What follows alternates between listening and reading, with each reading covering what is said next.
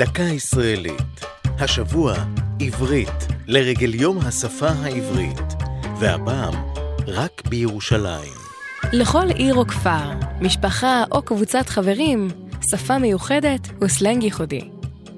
מבין כל השפות המקומיות בארץ, הירושלמית היא העשירה, המפורסמת והמתועדת מכולן.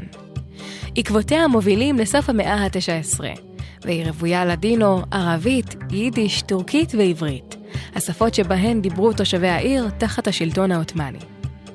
כך למשל, אבו יויו, השם הירושלמי למשחק הידוע כשק קמח, נוצר בעקבות שיבוש לשוני בפיהם של מוכרי המים הערבים בעיר. אין זו המילה הירושלמית היחידה שהשתרשה בעברית המדוברת. כך נתפסה הגייה חתולה במילאל, שהשתמרה בשם כיכר החתולות בירושלים.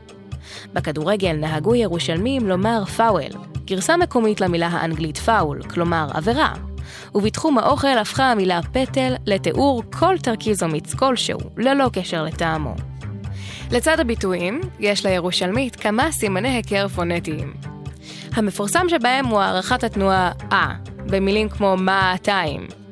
אין זו העברית הנכונה, אבל מילה זו הפכה, עם המילה המציצה עבור סוכריה על מקל ואג'ואים לגלעיני המשמש, לסמלה של העברית הירושלמית. זו הייתה דקה ישראלית על עברית ורק בירושלים. כתבה אחינועם קפון, ייעוץ הדוקטור רוביק רוזנטל, הגישה עדן לוי.